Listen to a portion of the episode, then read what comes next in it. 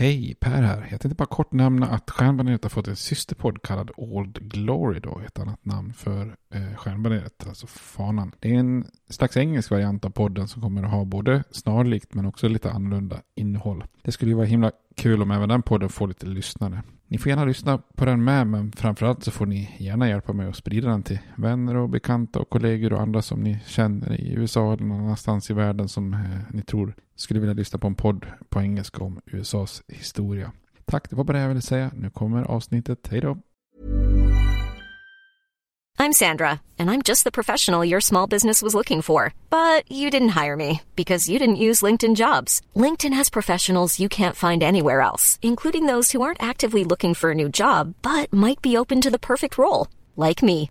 In a given month, over 70% of LinkedIn users don't visit other leading job sites. So if you're not looking on LinkedIn, you'll miss out on great candidates like Sandra. Start hiring professionals like a professional. Post your free job on linkedin.com/people today. Burrow's furniture is built for the way you live. From ensuring easy assembly and disassembly to honoring highly requested new colors for their award-winning seating, they always have their customers in mind. Their modular seating is made out of durable materials to last and grow with you. And with Burrow, you always get fast, free shipping. Get up to 60% off during Burrow's Memorial Day sale at burrow.com slash ACAST. That's burrow.com slash ACAST. burrow.com slash ACAST. Everyone knows therapy is great for solving problems, but getting therapy has its own problems too, like finding the right therapist, fitting into their schedule, and of course, the cost. Well, BetterHelp can solve those problems. It's totally online and built around your schedule. It's surprisingly affordable too. Connect with a credentialed therapist by phone, video, or online chat, all from the comfort of your home. Visit betterhelp.com to learn more and save 10% on your first month. That's BetterHelp H E L P.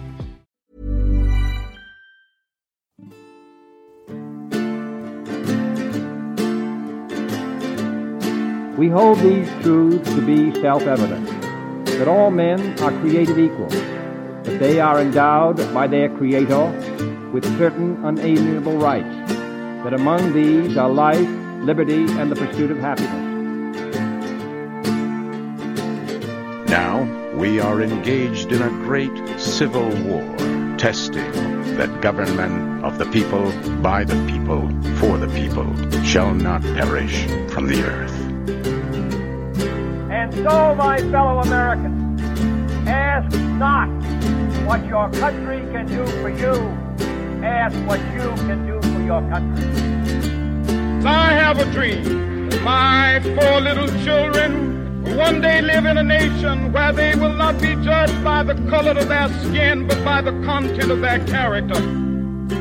Mr. Gorbachev, tear down this wall. I did not have sexual relations with that woman, Miss Lewinsky. Då var det dags och hälsa välkomna till Stjärnbaneret, en podcast om USAs historia. Där vi idag tänkte inleda vår lilla miniserie om inbördeskriget. Ja, Vad tycker du om det Robert? äntligen va? Nu har du, nu har du varit som vissla för din näsa. Ja, kanske. Alltså förkyld, visslar. Ja. Ja, nu har du byggt upp det bra här med eh, en ordentlig genomgång av åren innan här och verkligen den här, eh, vad ska man säga, inte stöttestenen är väl inte slavfrågan, vad ska man kalla det?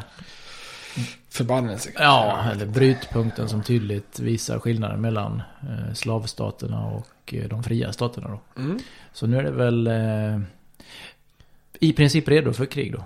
Ja, precis. Men du ska väl börja med presidentvalet 1860. Precis, det får vi göra. Ja, Ja. nej, men vi har ju liksom angripit det tycker jag från tre håll. Dels körde vi den här översiktsserien fram till Mexikokriget. Och sen så gjorde vi ju några avsnitt där just om hur nord och syd växte isär liksom. Och, Mm. och lite bakgrunden i vissa frågor. Och sen så körde vi ju ett par avsnitt kring det här kaotiska 1850-talet. De senaste två avsnitten. Precis. Så vi får väl se den här miniserien som en del i översiktsserien. Fast Ja, det blir ju på nästan det. i inbördeskriget. Ja. ja. Kanon. Eh, men då ska vi rekommendera öl då. Ja, precis. Och eh, nu hade faktiskt inte jag något. Jag var ute på djupt vatten så att säga. med året här, 1861. Jag, jag hörde redan i somras, måste det ha varit, att Mikkeller då, Mikkeller, hade hittat eh, gäst från en gammal öl. Eh, ett skepp som sjönk då 1861 med öl från över 30 bryggerier tror jag. Så Ja, det här var okej. en, eh, en brittisk öl de fick tag på. Där det på något sätt liksom gick att få liv i gästen igen då. Ja. Så den kunde man dricka på den här, de har ju den här, mm, sin gala var det nog va? Den där i Köpenhamn som de har, Mikkeller. Har de en egen? Ja. Jag har varit på Köpenhamns ölfestival. Men då är det ju väldigt blandat. Ja, nej det här är ju eh, Mikkeller som står för. Ja, okej. Så den tänkte jag rekommendera, men jag, jag drar mig ur det. ja. Okej. Ja, den kan ju vara svårt att få tag på också. Ja. Jag vet inte hur stor den blir. Nej, jag har inte hört något om den heller. Om det skulle liksom vara något speciellt bra eller så. Men... Ja, Ja. Men okej, jag kommer med ett annorlunda tips. då. vad bra. Nu ja. tror jag du har något bra här. Ja, jag ska inte ropa hej förrän du har godkänt tipset. Men jag tänkte så här, nu är vi ju framme, idag kommer ju USA att splittras i två här. Två nationer. Mm. Beroende på hur man ser på det. Eh, och eh, då tänkte jag så här, varför inte rekommendera en half and half? Ja. Det är ju en underskattad grej, alltså att man blandar två. Ja. Normalt blandar man ju ofta kanske en ljus och en mörk öl. Mm. Och då, eh, ja, då får man ju någonting intressant mitt emellan. Då tänkte jag så här, ja, här är ju två landshalvor som är helt olika och som, som då splittras isär. Och, och sen ska vi ju efter kriget få ihop de här två landshalvorna igen. Så att eh, då, eh, varför inte en half and half då? Och då kan man ju blanda olika. En sak som jag testade en gång när jag, när jag var i Belgien. Eh, det var ju när vi besökte ölcaféet som ligger utanför det här trappistklostret Västmalle. Mm. Eh, Man får inte gå in på själva klostret. Det kan man ju få göra med vissa andra av de här klostren. Men det finns ett café där som serverar bara Västmall och man kan köpa ostar och sånt där. Och där finns det, de har ju en dubbel, en mörker och en trippel, en ljus. Men så kunde man också välja då half and half. Så det gjorde jag och det, det gifte ihop sig väldigt fint. Ja, det kan Så där kan man ju köpa två flaskor då. Annars kan man ju köra vad som helst. Man kan ju dra en ljus lager, en Guinness kanske. Ja men var inte det väldigt vanligt på 70-talet här i Göteborg vet jag? Att man, var. eh, att man blandade då en iskall eh, Prips var det väl då som gällde här va? Aha. Med en eh, Carnegie Porter. det en ljummen Carnegie. Mm, mm. Som en sorts half and half. Ja, ja. Eller också kan man göra som det där i det där ölprogrammet. Man tar en ljus lättöl och så häller man i soja. och så får man en mörk lättöl. Så är det inte Ja, det? nej jag har inte sett. Det är inte salt av soja. Jo, lite. det får man på köpet. Ja, ja. Nej, men det var väldigt noga att hälla rätt droppar med soja så att den var perfekt. För det finns ju nämligen inte. Förr fanns ju mörk lättöl. ja. Och då var det några gubbar, de är så nostalgiska så de ville verkligen ha det. Så det, Aha. det spelar ingen roll att det bara var soja de vill ha. Det lättöl och mörk. Så Aha. det är helt obegripligt egentligen. Ja, Så om man, det, det tipset kan vi bortse ifrån. Men en, en vanlig half. ja det var bra. Jag tyckte det var ett, ett bra tips. Ja, bra. Mm. Kanon. Annars brukar jag ju vara den sämre öltipsen. Ja, för jag det får vi jag så fokus på historiegrejer. Ja, Ja. men nu var det bättre idag tycker jag. Tack Robert.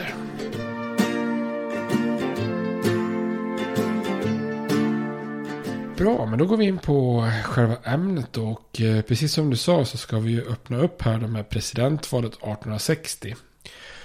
Och som vi sa i det sista översiktsavsnittet här så är ju landet väldigt eh, splittrat här nu. Och eh, ganska nyligen innan valet så har ju John Brown då gjort den här galna räden mot Harpers Ferry som vi pratar om här som inte blir något större slavuppror men som gör att Södern kanske tittar på republikaner i största allmänhet och folk från norr som abolitionistiska radikaler och så vidare.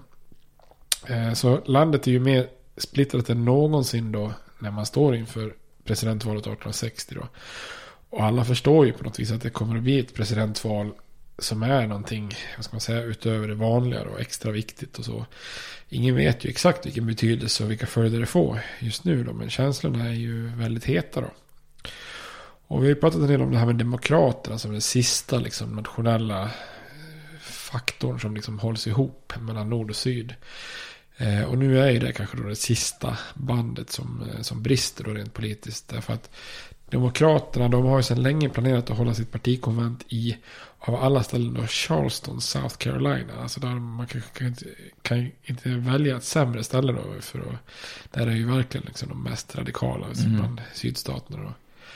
Själva kärnan för slaveriet då, militanta slaveriförespråkare då. Och Eh, man börjar med att försöka anta ett partiprogram innan man ska välja kandidat. Och då har vi den här Stephen Little Giant Douglas som eh, hans anhängare från norr, de vill ju ha ett partiprogram som är en kopia från 1856.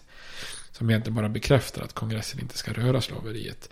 Men det är inte tillräckligt tycker Söderns radikaler, de här så kallade fire eaters. Utan de kräver ju då federalt skydd för slaveriet i territorierna. Och sen har vi då den här for, sittande presidenten Buchanan. Och hans anhängare vill ju stoppa Douglas som kandidat. Så de ställer sig bakom Söderns, eh, Söderns eh, förslag där. Men Douglas, han lyckas samla så mycket stöd här att hans eh, falang och segrade striden som man antar 1856 års program.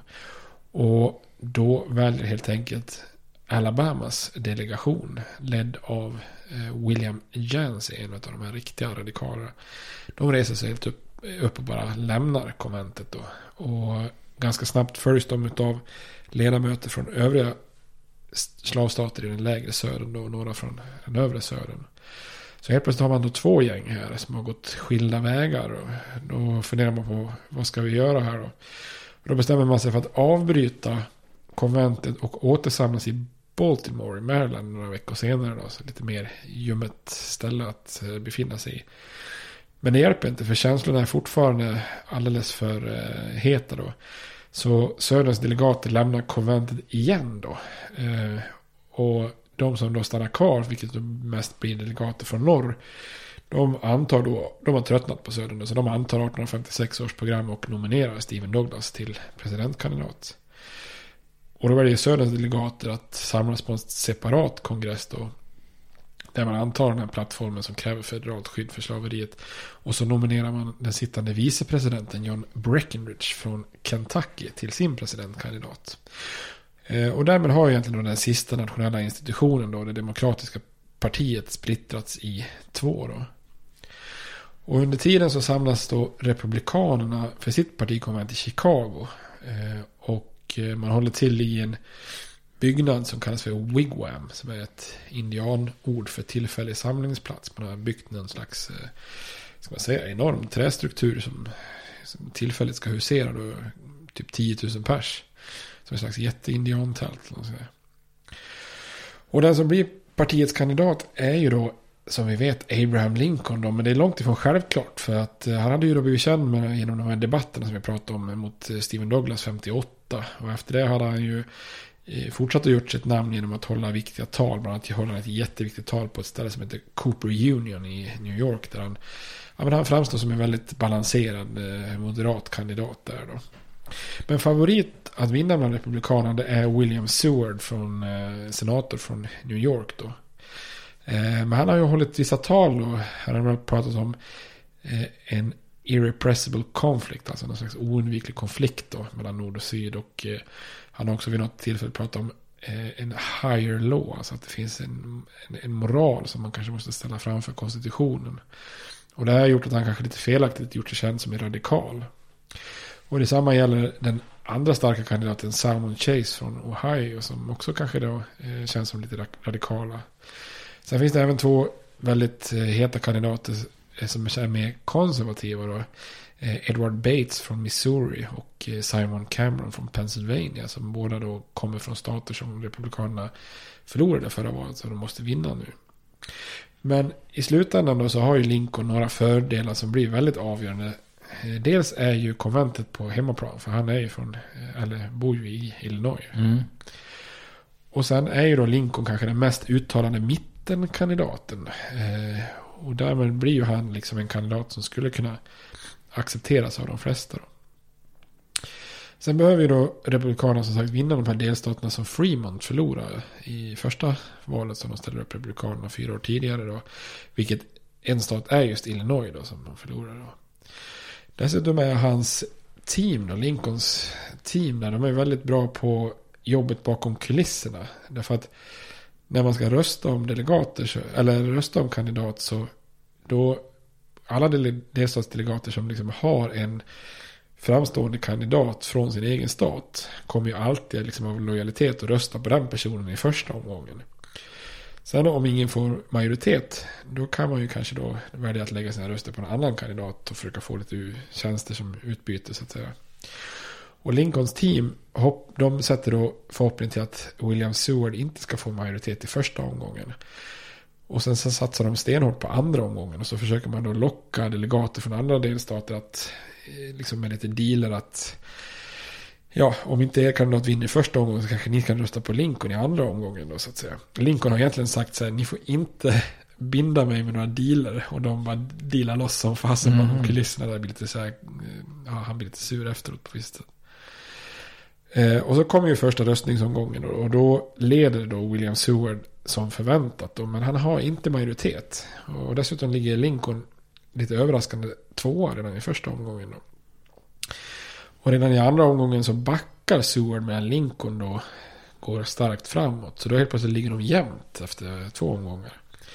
Och sen då i tredje omgången så då ligger helt plötsligt Lincoln långt före Seward och har bara några få röster för att vinna. Och då utropade Ohios delegation att vi ändrar våra fyra röster. Och då blir det så enormt jubel där att Lincoln faktiskt har vunnit nomineringen. Mm.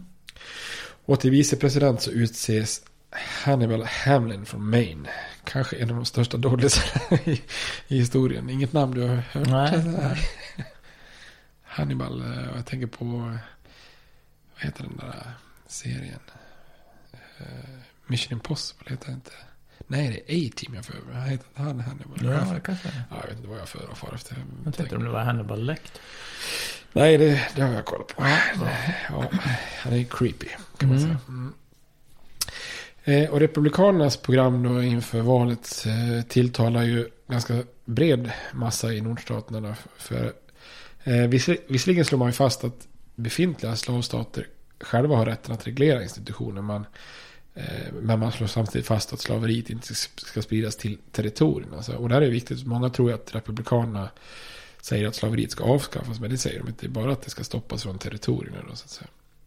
Sen vill man då höja tullarna för att skydda industrin. Man vill sänka antalet år för att bli medborgare. Man vill öka infrastruktursatsningar, bland annat transkontinental järnväg. Då. Och sen så har man ett förslag om en så kallad Homestead Act. Alltså att det är rätt att erhålla 160 tunnland federal mark om man bosätter sig där och, och brukar den. Så det är ju ett första språng. Den kommer ju komma sen under kriget mm. till eh, ytterligare expansion eh, västerut.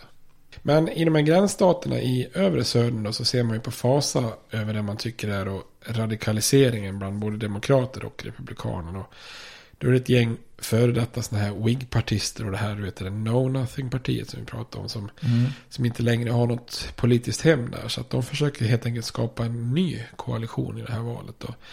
Eh, och det namnet de kommer upp med då är Constitutional Union Party. Eh, de har ett väldigt vagt program som bara i princip består av att vi ska bevara unionen och konstitutionen som de är. Och, eh, och så nominerar de John Bell från Tennessee till presidentkandidat. Så valet 1860 så finns det alltså fyra olika kandidater. Och ingen av dem kan egentligen samla något direkt nationellt stöd. Då. Så i praktiken så väljer man då i nordstaterna mellan Lincoln och Douglas. Beroende på om du är demokrat eller republikan. Och i sydstaterna så väljer man då mellan Breckinridge och Bell då, beroende på om man är demokrat eller om man vill eh, ja, rösta på det här nya konservativa partiet. Då. Och det här är ju extremt, för Lincolns namn existerar ju inte ens vid någon vallokal i, i den djupa södern. Liksom, han finns ju inte på, på kartan där direkt. Då. Så en konsekvens av det här det är ju att de här två delarna av landet, nord och syd, de får inte någon större förståelse för vad den andra sektionens eller delens eh, kandidater står för. Då. Och det här gör ju att i södern så, så fortsätter man ju att tänka att det är ingen större skillnad mellan Lincoln och eh, radikala abolitionister. Utan man, man, ser det som samma sak. Då, så att säga. Men när valet är över då så står Lincoln som segrare då och blir den första republikanen i Vita huset. Och det är ju lite anmärkningsvärt då, för han har ju bara vunnit 39% av rösterna. Eh, så att han har ju inte direkt en majoritet av Nej. folket bakom sig. Då. Och framförallt, han har ju inte vunnit en enda sydstat. Alltså han är liksom, där är han ju helt borta så att säga. Mm. Eh, Men han vinner då samtliga fria stater, vilket innebär att han får 180 elektorsröster. Eh, Och det här innebär ju att inte ens om man slår samman de tre andra kandidaterna så skulle han ju förlora. Liksom. Eh, Så det är egentligen bara Douglas som har vunnit elektorsröster i både nord och syd. Medan då Bell vinner Virginia, Kentucky och Tennessee. Alltså den här övre södern som är lite mer splittrad kanske. Och sen så har han Breckinridge. Han har vunnit resten av södern då. Mm. Eh, kompakt och kommer tvåa med, med 72 eh, elektorsröster då.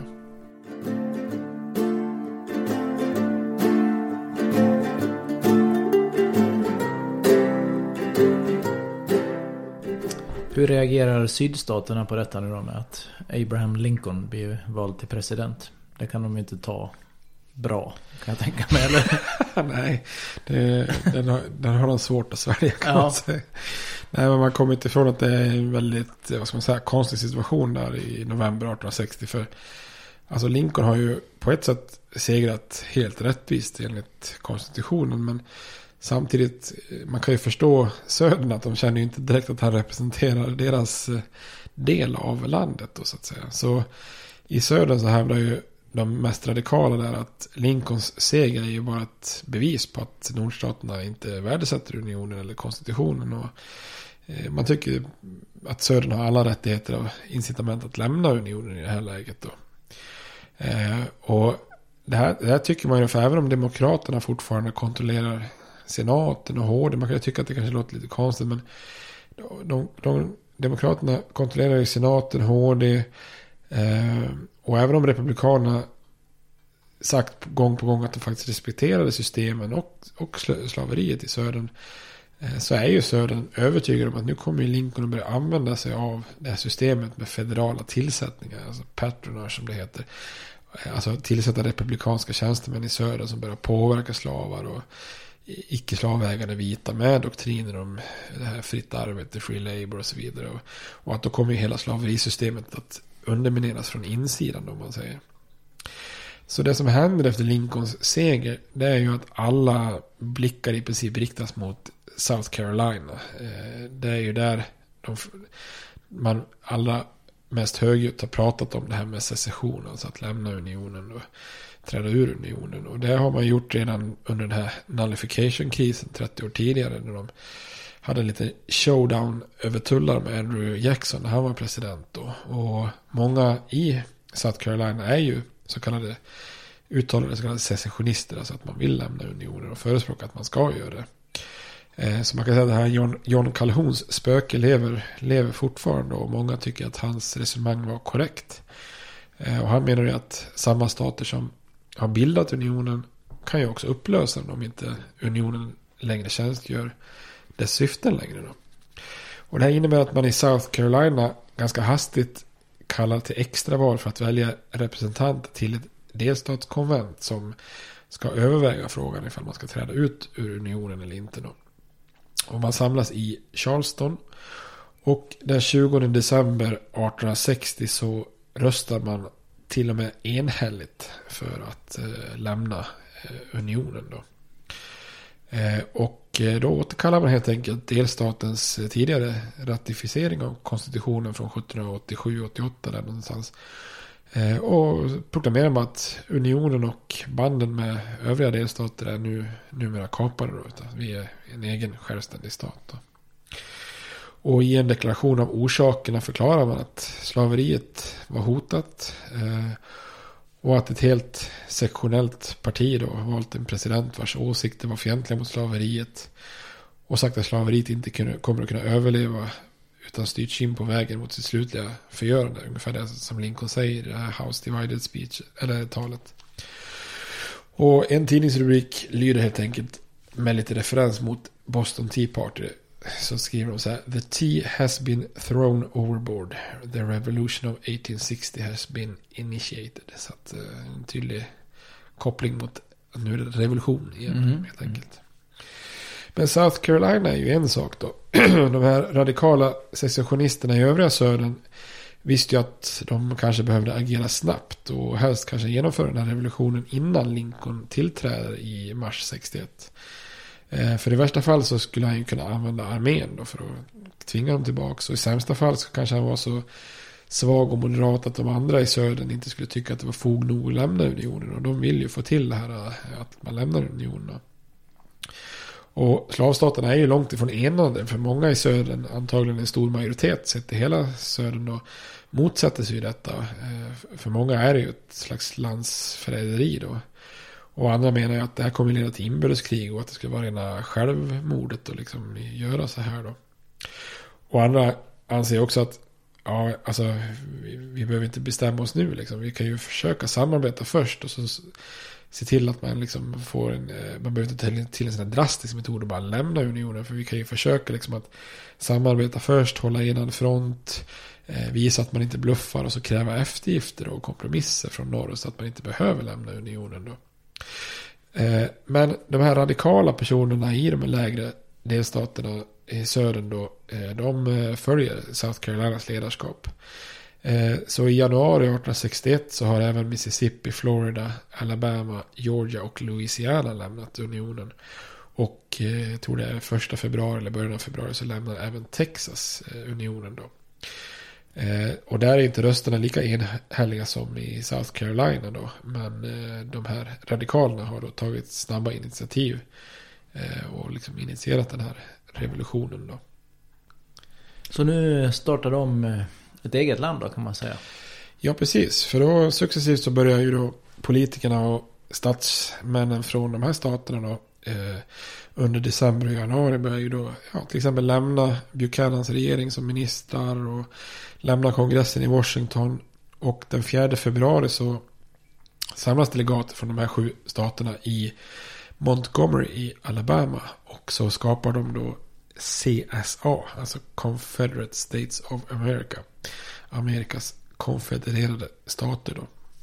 Så då har man liksom bildat en, en ny, ny nation då. Ja.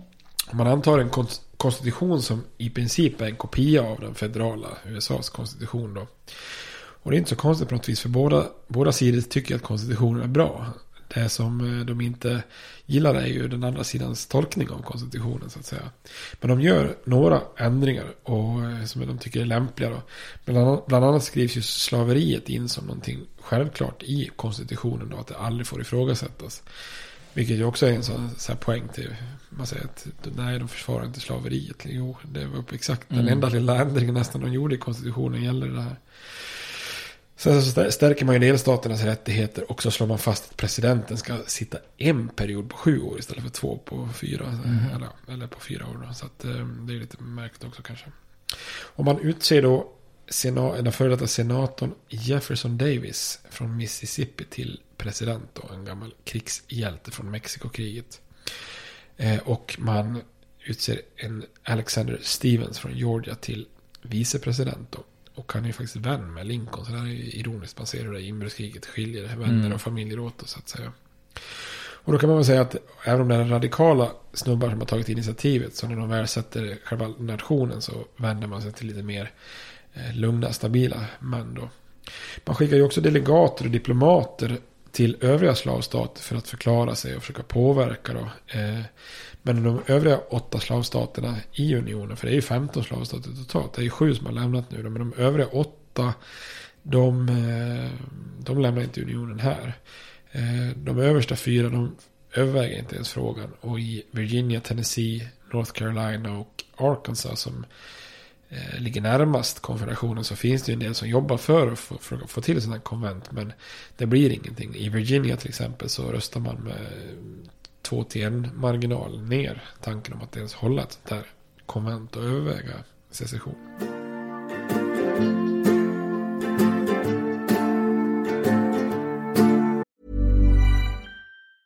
There's never been a faster or easier way to start your weight loss journey than with plush care.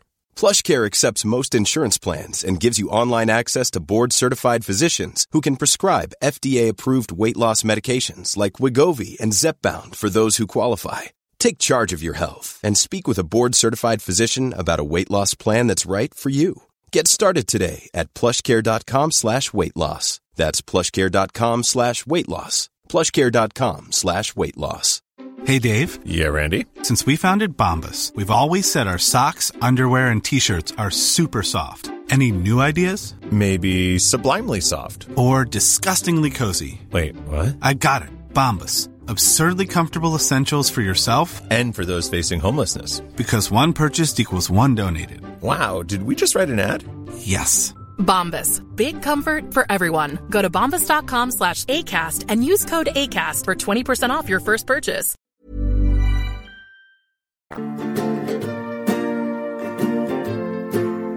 Hur reagerar nordstaterna på detta då? Vad händer där? Ja, där är det ju en tid av väldig tvekan och handlingsförlamning och ska man säga, frustrerande väntan då. Själva systemet gynnar ju inte situationen för idag väljs man ju som president i november och då så tillträder man ju i januari. Eh, men på den här tiden så installeras inte pressen förrän eller presidenten för den 4 mars. Eh, så att James Buchanan och den sittande kongressen de är ju sådär så kallade lame ducks som det heter ifall man den tiden man tjänstgör som fast man har, vet att man inte kommer fortsätta för att någon annan har valts istället. Då är man ju en, en, en, la, en lam anka. Mm. Eh, och eh, här kanske historien hade sett annorlunda ifall då James Buchanan varit en stark handlingskraftig president ungefär som Andrew Jackson hade varit då på 1830-talet. Men det får vi inte riktigt veta för att eh, han eh, är väldigt velig och eh, vet inte riktigt vad han ska göra då. Eh, I ett tal så slår han fast att Södern Södern har inte rätt att lämna unionen. Men den federala makten har inte några tvångsmedel att tvinga dem att stanna, säger han. Så det är lite märkligt, det är lite så här ajabaja till, till, till barn, eller vad man ska säga. Eh, och så Buchanan, han väljer mer eller mindre att bara vänta ut tiden. Eh, och här kan man väl spekulera, hade han agerat starkare så vet man ju inte. Han kanske bara hade påskyndat kriget också. Så att man ska ju inte helt bara liksom tänka att det hade kunnat bara blivit positivt heller så att säga. Nej. Och några svar från Lincoln får man heller inte för han väntar hemma i Springfield i Illinois då. Eh, och när någon försöker få honom att göra uttalanden eller lova garantier till Södern så vägrar han. Han bara upprepar att han har sagt sina åsikter i frågan. Jag, har sagt att jag inte ska röra slaveriet och jag har sagt att unionen är helig så att säga och den får inte spräckas. Så jag har inte ändrat mina åsikter så att det är bara att läsa mina valmanifest så att säga. Eh, och det som Lincoln och många i norr tror, och särskilt republikanerna, det är att södern återigen bara bluffar. Liksom. De gör allt det här bara för att få eftergifter. Så, ja, ja, sen nu hotar de att lämna, de har lämnat, hotat om att lämna unionen förra gången. Nu låtsas de gör det här, men det är klart att de kommer att komma tillbaka. Så det kommer nog att hittas någon liksom, kompromiss och så är de tillbaka med svansen mellan benen då. Men det som på något vis blir väldigt eh, avgörande det är ju att de här staterna som lämnar unionen börjar ju också ta över federala egendomar och fort och vapenarsenaler och sånt där. Eh, och Buchanan till en början så vägrar ju han att vidta åtgärder som kan provocera fram krig. Så att i många fall så rustar ju söder, eller de konfererade staterna upp sina miliser och sen så tar man vapenarsenaler och ja, då vågar inte Buchanan göra någonting. Så till slut så finns det egentligen bara två kontroversiella platser kvar i hela, liksom, som, som fortfarande är i federala händer om man säger så. Det ena är ett fort i Pensacola's hamn i Florida som heter Fort Pickens. Och det andra är ett fort som heter Fort Sumter som ligger mitt i Charlestons hamn. Då. Eh, men när Södern börjar kräva att även de här forten ska lämnas över då börjar Buchanan få lite mer råg i ryggen. För nu har hans ministrar har varit från Södern, flera av dem. Men nu har ju de lämnat och då har han ju fått in några nya minister från nordstaterna. Så har stärkt hans liksom... Eh, ja, vad ska man säga? Stärkt hans ryggrad. Så att eh, nu tänker jag inte han lämna ifrån sig de här två forten då. Och det som blir själva krutdurken är ju det här Fort Sumter då i, i eh, Charlestons hamn. Eh, befälhavaren där är major Robert Anderson från Kentucky. Och eh, han har ju flera fort i Charlestons hamn. Men han börjar ju känna sig hotad av, av South Carolinas milis då. Så då överger han de här fort, andra forten och så koncentrerar han sina män till just Fort Sumter som ligger på en konstgjord ö mitt i Charlestons hamn. Så det är lite mer säkrare än de andra då. Och när han gör det här, gör det tror jag mitt under jul, juldagarna där. Eh, så smiter han under na- nattens skydd ut till Fort Sumter och koncentrerar sina män där. Och i South Carolina så blir man ju väldigt gnällig och menar att på att eh, det här är ju minst en krigshandling där. Eh, och då anmärker faktiskt Buchanan att det är en konstig krigshandling i så fall. Så han är inte helt utan ironi i alla fall. Buchanan. Men den 9 januari så är kriget väldigt nära då. För då närmar sig skeppet Star of the West. Börjar närma sig Fort Sumter med förnödenheter. Och då öppnar de eh, konfedererade. Eh, eller då, i det här fallet är det ju South Carolina bara för konfederationen har inte bildats än. Då öppnar de eld mot skeppet så, så det tvingas att vända då. Och hade, eh, hade Buchanan agerat här eller, eller eh, Robert Anderson på fortet då så hade det ju blivit krig då. Men Buchanan han ignorerar utmaningen och eh, Robert Anderson han har inte fått några tydliga order om han ska agera. Så han tycker att det är bäst att, att ligga lågt liksom sådär. Och medan Buchanan och många andra håller, håller annan då och sätter sitt hopp. Eh, så gör de det att de sätter sitt hopp till en kompromiss då. Som, eh, ja, man har ju gjort det flera gånger som jag sett tidigare. Att man har ju kompromissat fram eh, på olika sätt. Och bland annat 1850 den stora kompromissen. Då, då är det ett par försök som görs här i, i sista stund och kompromissade.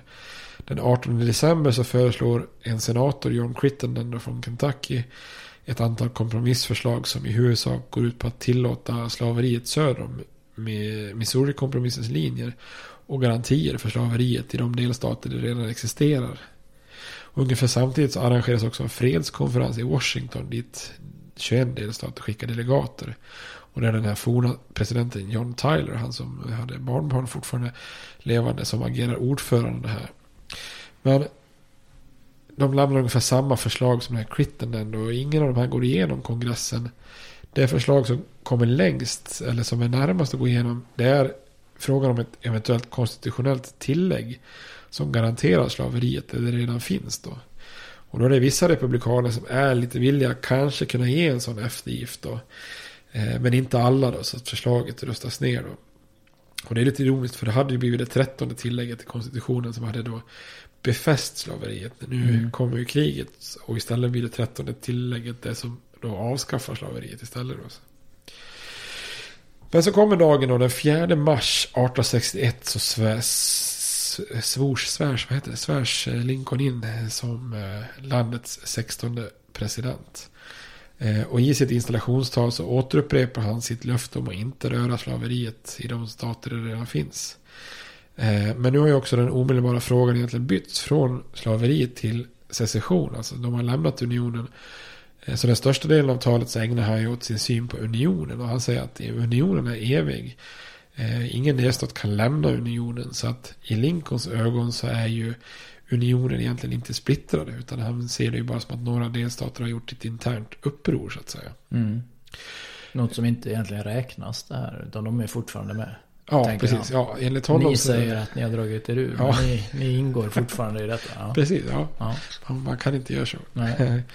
Eh, så att eh, det blir lite grann hur man, hur man ser på det hela. Samtidigt är ju Lincoln också väldigt försiktig. Han lovar att han ska, det är hans plikt att hålla de här federala forten i södern. Och fortsätta samla in tullar och skatter och leverera brev och sånt där. Men utöver det så säger han att han inte ska skicka någon invasionsstyrka eller utöva våld mot någon förrän man har löst det här då. Eh, och han säger då i talet så här, We are not enemies but friends. We must not be enemies. Men han är ganska tydlig med att södern måste ändå återvinna till, eller återvinna, återvända till unionen. Punkt liksom. Mm. Där, där kommer han inte att backa så att säga. Och de här, för Lincoln så, utmaningarna här är ju, är ju helt enorma liksom. För att dels är ju det här republikanska partiet nytt. Och man har ju kommit till makten för första gången då. Så att det är ju mängder av anspråk på tjänster och utmaningar och sånt där. Och, och Lincoln är ju lite rolig här för han gör ju någonting unikt då. Eh, för fyra av de sju personer som han utser till ministrar i sin eh, administration, alltså regering. Eh, var ju hans huvudmotståndare till presidentnomineringen då. Mm. Så han utser både Seward, Chase, Bates och Cameron som var hans le- ledande motståndare till ministrar då. Så hans administration brukar kallas då för Team of Rivals. Det finns en känd bok som har den titeln som, skriver, eller som beskriver just det här då. Har det skrivits en del böcker om Lincoln eller? Det har skrivits några, några hyllmeter kan man säga. Har du läst många? Uh, ja, på, definiera många. Fler än två. Svar ja. Ja, ja, bra. Men en som har faktiskt läst den här boken, Team of Rivals, det var ju Obama.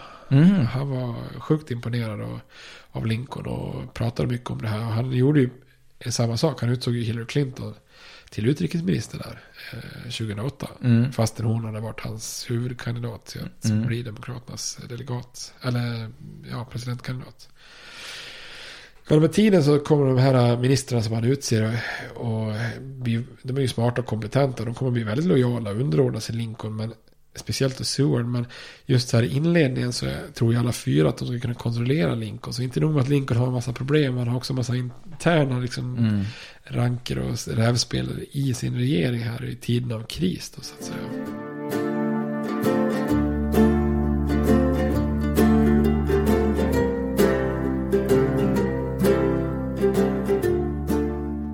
Och genom att inte gå ut sådär hårt och uppmana till lugn i installationstalet så hoppas ju Lincoln att eh, han ska kunna köpa sig liksom dyrbar tid för att hitta en lösning då som ligger bortanför kriget. Men det visar sig att tiden är inte direkt på hans sida då för att dagen efter installationen så hittar då en lite stressad Lincoln ett meddelande på skrivbordet som är ett, ett, ett meddelande från den här major Robert Anderson i Fort Sumter då, som meddelar att tiden börjar rinna ut för hans styrka. De har ransoner för drygt en månad kvar. Eh, och samtidigt så säger han att de konfer- konfedererade trupperna börjar ju omringa fortet ifrån hamnsidan här. Så att eh, någonting måste ju hända här annars blir hans situation ohållbar. Då. Så då blir det ju väldigt kris här. Så på några intensiva regeringsmöten så diskuterar Lincoln och hans ministrar hur de ska agera då, ihop med flottan och armén. Då. Och till en början så är det en majoritet för att överge fortet. Eh, liksom för att försöka undvika kriget. Men Lincoln själv står fast vid det han har sagt i installationstalet. Att, eh, att överge fortet, eh, då är han rädd för att då kanske man bara får södern mer beslutsamma. Och att han då ska tappa en sista bricka och förhandla om. Då. Och till slut efter mycket om så, så, kom, så bestämmer han sig för att agera. Men samtidigt kommer han på en idé där man lite smart kommer att lägga bollen hos motståndarna istället då. Så man utrustar ett handelsskepp med förnödenheter och eh, skickar det till Fort Sumter då. Eh, I South Carolina då. Eh, och eh, meddelar då, alltså inte konfederationen, för han har ju inte erkänt konfederationen, men han meddelar South Carolinas guvernör eh, att eh, det här skeppet kommer att komma så att säga. Eh, men det är väldigt fredligt. Han skickar inget krigsfartyg som ska försöka skjuta sig fram. Utan han bara meddelar att kort kort vi ska bara skicka förnödenheter.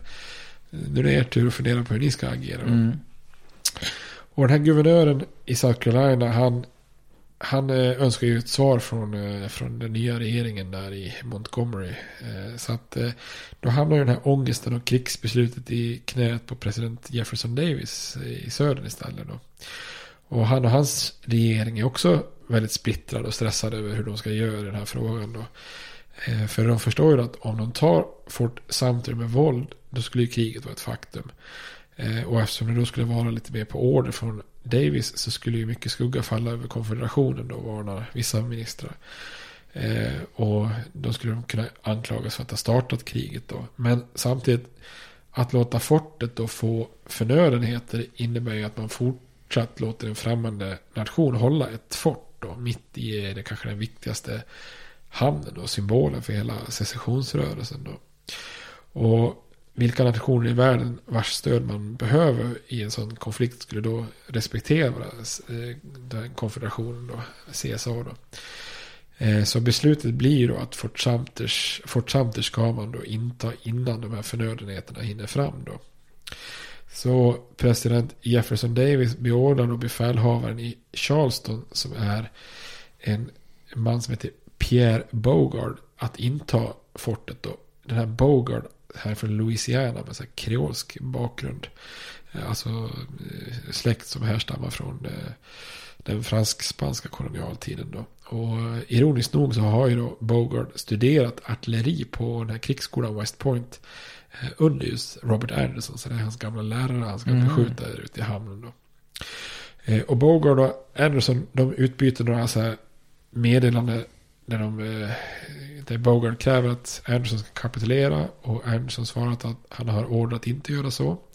Det är så här löjligt artiga Mm. konversationer. Det är lite konstigt så här, att man är så artig, man är på väg att börja kriga med varandra när som helst så att säga. Så tidigt på morgonen den 18, eller den 12 april så öppnar Bogart eld från samtliga positioner runt om i Charlestons hamn. Eh, och efter en stund då så börjar Fort Sumter att besvara elden då. Och man kan säga lite som kuriosa då. Det är lite oklart om det, om det stämmer eller inte. Men det sägs att äran att avlossa första skottet gick till Edmund Ruffin. Som är en av de här riktiga radikalerna då. Han eh, var då egentligen en förmögen pla- plantageägare i Virginia. Och eh, trots att han var 67 år gammal vid den här tiden så hade han tagit värvning då i konfederationens arméer. Mhm. Eh, 1859 till exempel hade han skyndat iväg för att bevittna hängningen av John Brown. För det tyckte han var viktigt att se. Eh, och dessutom hade han köpt ett antal eh, pikar. Det är väl så här spjutliknande vapen. Va? Som, ja, ja, det var bra. Eh, så, så han hade köpt pikarna som eh, Brown hade använt under räden vid Harpers Ferry. Och sen skickat en sån pik till varje guvernör i södern. Som ett bevis på nordstaternas förakt av södern. Så han är Mhm. riktigt hardcore här då. Och när han, nu går ju äran att skjuta första skottet. Men när kriget är över 1865 så tar han sitt liv hellre än att han ska leva under Yankee rule. Så att, eh, Ja. ja, han är ganska eh, eh, brutal kan man säga. Principfast. Ja, det får man säga. Det. Om man ska ge ett positivt betyg. Princip, ja.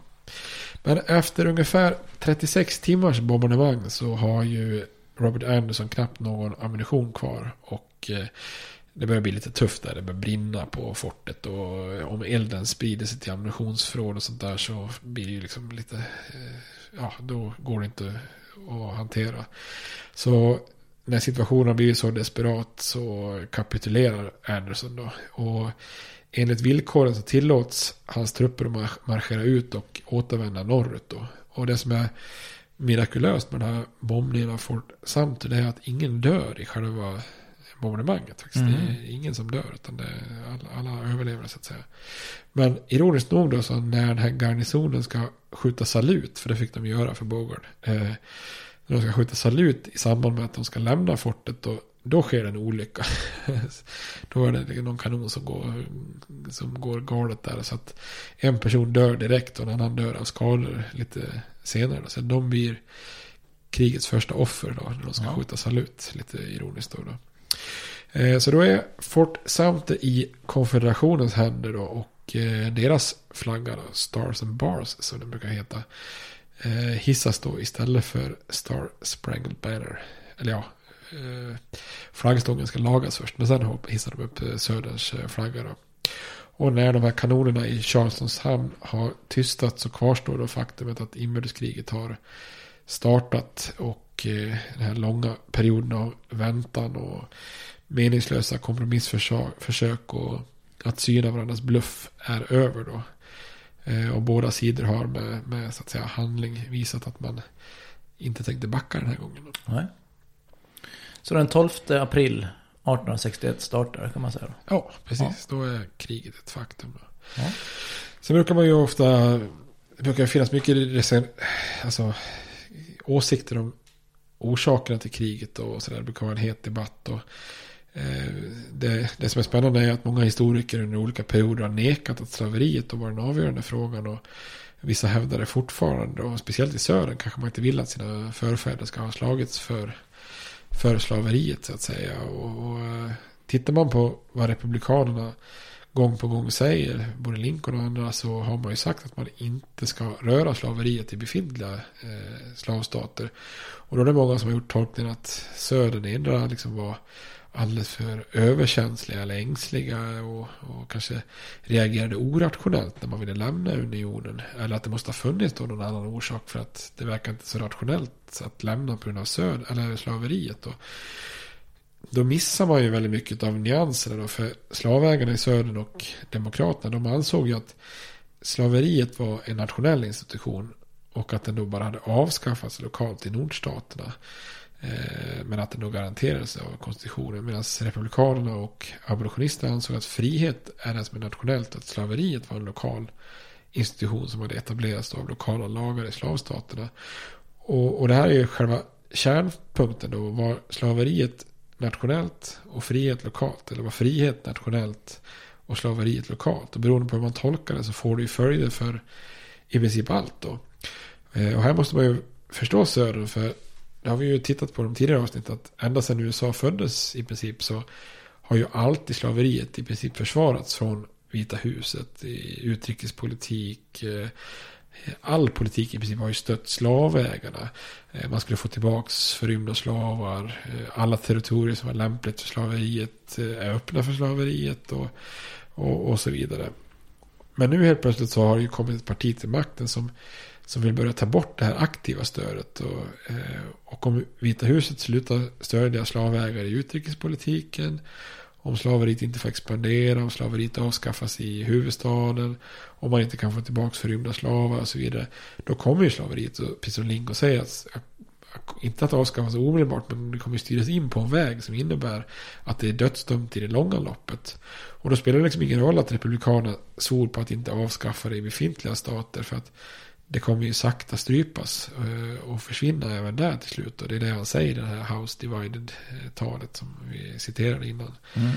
Eh, och det här är ju många genom historiker missar ibland tycker jag att det, det är slaveriet som är orsaken. För man anser att republikanerna ju de hade ju inte aktivt och direkt tänkt avskaffa slaveriet i södern. Och då, måste, då var det lite för, alltså varför skulle man ha lämnat unionen så hastigt? Men då har man ju liksom missat hela poängen för hur Södern har resonerat det där. Men då har man också försökt att förklara att nej, men det måste handla om något annat. Tullar eller ekonomi mm. eller ja, något annat. En vanlig tes man säger det är ju att det bara var så här väldigt mycket radikaler. Både i nord och syd som, som fick alldeles stort utrymme. Hade bara de här mer lugna statsmännen fått eh, styra så hade det aldrig blivit så här och så vidare. Och man kan ju prata mycket om så här bakomliggande orsaker till eh, historiska utvecklingar och utlösande händelser kanske typ, eh, vad heter det, skotten i Sarajevo som en utlösande händelse mm. med massa bakomliggande grejer och så att säga. Och då kan man väl säga att slaveriet är ju den bakomliggande orsaken till inbördeskriget. Sen är det ju valet av Lincoln 1860, att Södern lämnar unionen 60-61 och skotten vid Fort Sumter som är den liksom utlösande händelsen för kriget. Då. Och när man då tittar på, eh, på den här så kan man väl säga så att ja, men slaveriet orsakar ju secessionen och utträdet. Medan secessionen i sin tur utrök, ut, orsakar kriget kan man säga. Lite mm. förenklat. Mm. Men då har vi framme vid inbördeskriget. Vi har skjutit de första skotten. Det ska bli spännande att se hur det eh, går vidare. Jag har ju koll på de stora händelserna i eh, inbördeskriget. Men nu, nu ska vi verkligen gå in på djupet här. På ja. i princip allt som händer då. År för år är tanken. Ja, jag tänkte det. Sen kommer vi inte göra någon sån här superdjupdykning kanske Nej. av det militära. För det kan man ju gå in på hur länge som helst. Men, men lite kommer, hoppas jag. Ja, vi kommer att dra de viktigaste ja. slagen. Så att säga. Och namedroppa lite eh, generaler och ja. befälhavare och sånt då. Det ska vi göra. Ja, vad bra. Grant och Sherman och ja, bra. Lee och Jackson och alla. Härligt. Gött. Ja.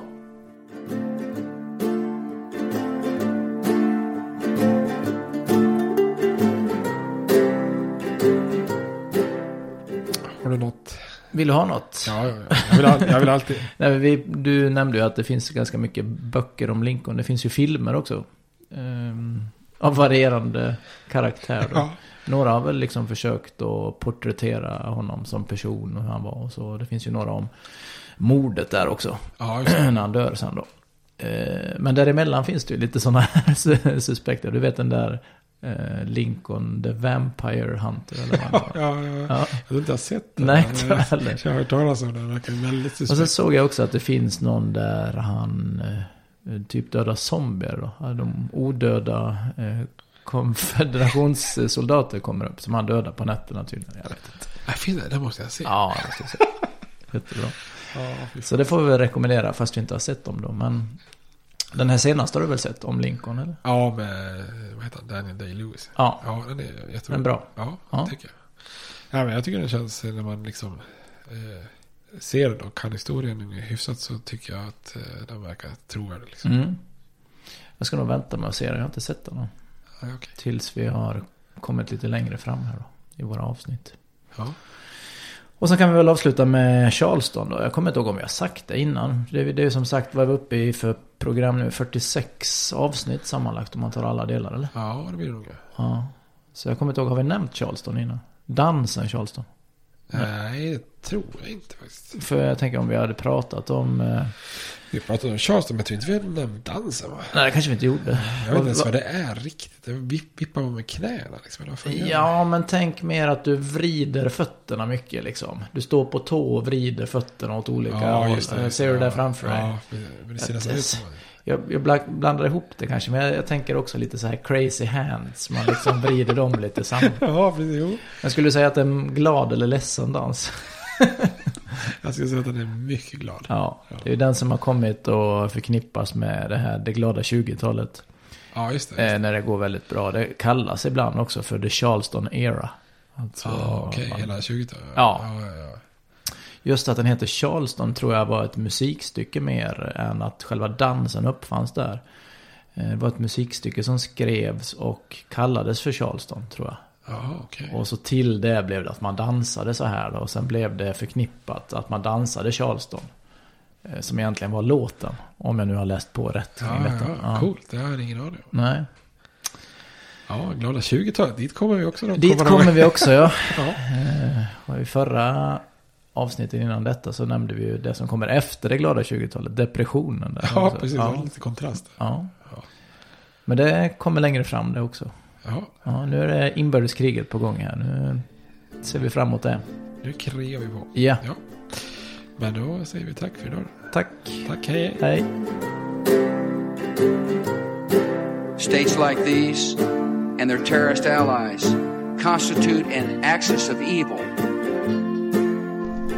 And if the hippies and the yippies and the disruptors of the systems that Washington and Lincoln as presidents brought forth in this country will shut up and work within our free system of government, I will lower my voice. if the impeachment provision in the Constitution of the United States will not reach the offenses charged here, then perhaps that 18th century Constitution should be abandoned to a 20th century paper shredder. Therefore, I shall resign the presidency effective at noon tomorrow.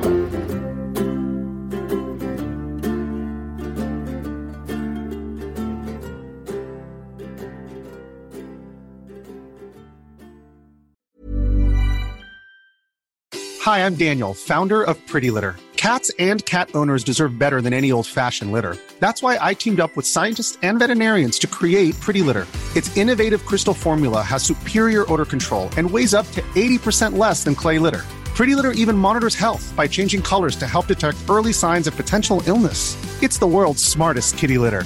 Go to prettylitter.com and use code ACAST for 20% off your first order and a free cat toy. Terms and conditions apply. See site for details. Hey, it's Paige DeSorbo from Giggly Squad. High quality fashion without the price tag. Say hello to Quince. I'm snagging high-end essentials like cozy cashmere sweaters, sleek leather jackets, fine jewelry, and so much more. With Quince being 50 to 80% less than similar brands. And they partner with factories that prioritize safe, ethical, and responsible manufacturing. I love that. Luxury quality within reach. Go to quince.com slash style to get free shipping and 365 day returns on your next order. Quince.com slash style. Planning for your next trip? Elevate your travel style with Quince. Quince has all the jet setting essentials you'll want for your next getaway, like European linen, premium luggage options, buttery soft Italian leather bags, and so much more. And is all priced at 50 to 80% less than similar brands. Plus, Quince only works with factories that use safe and ethical manufacturing practices.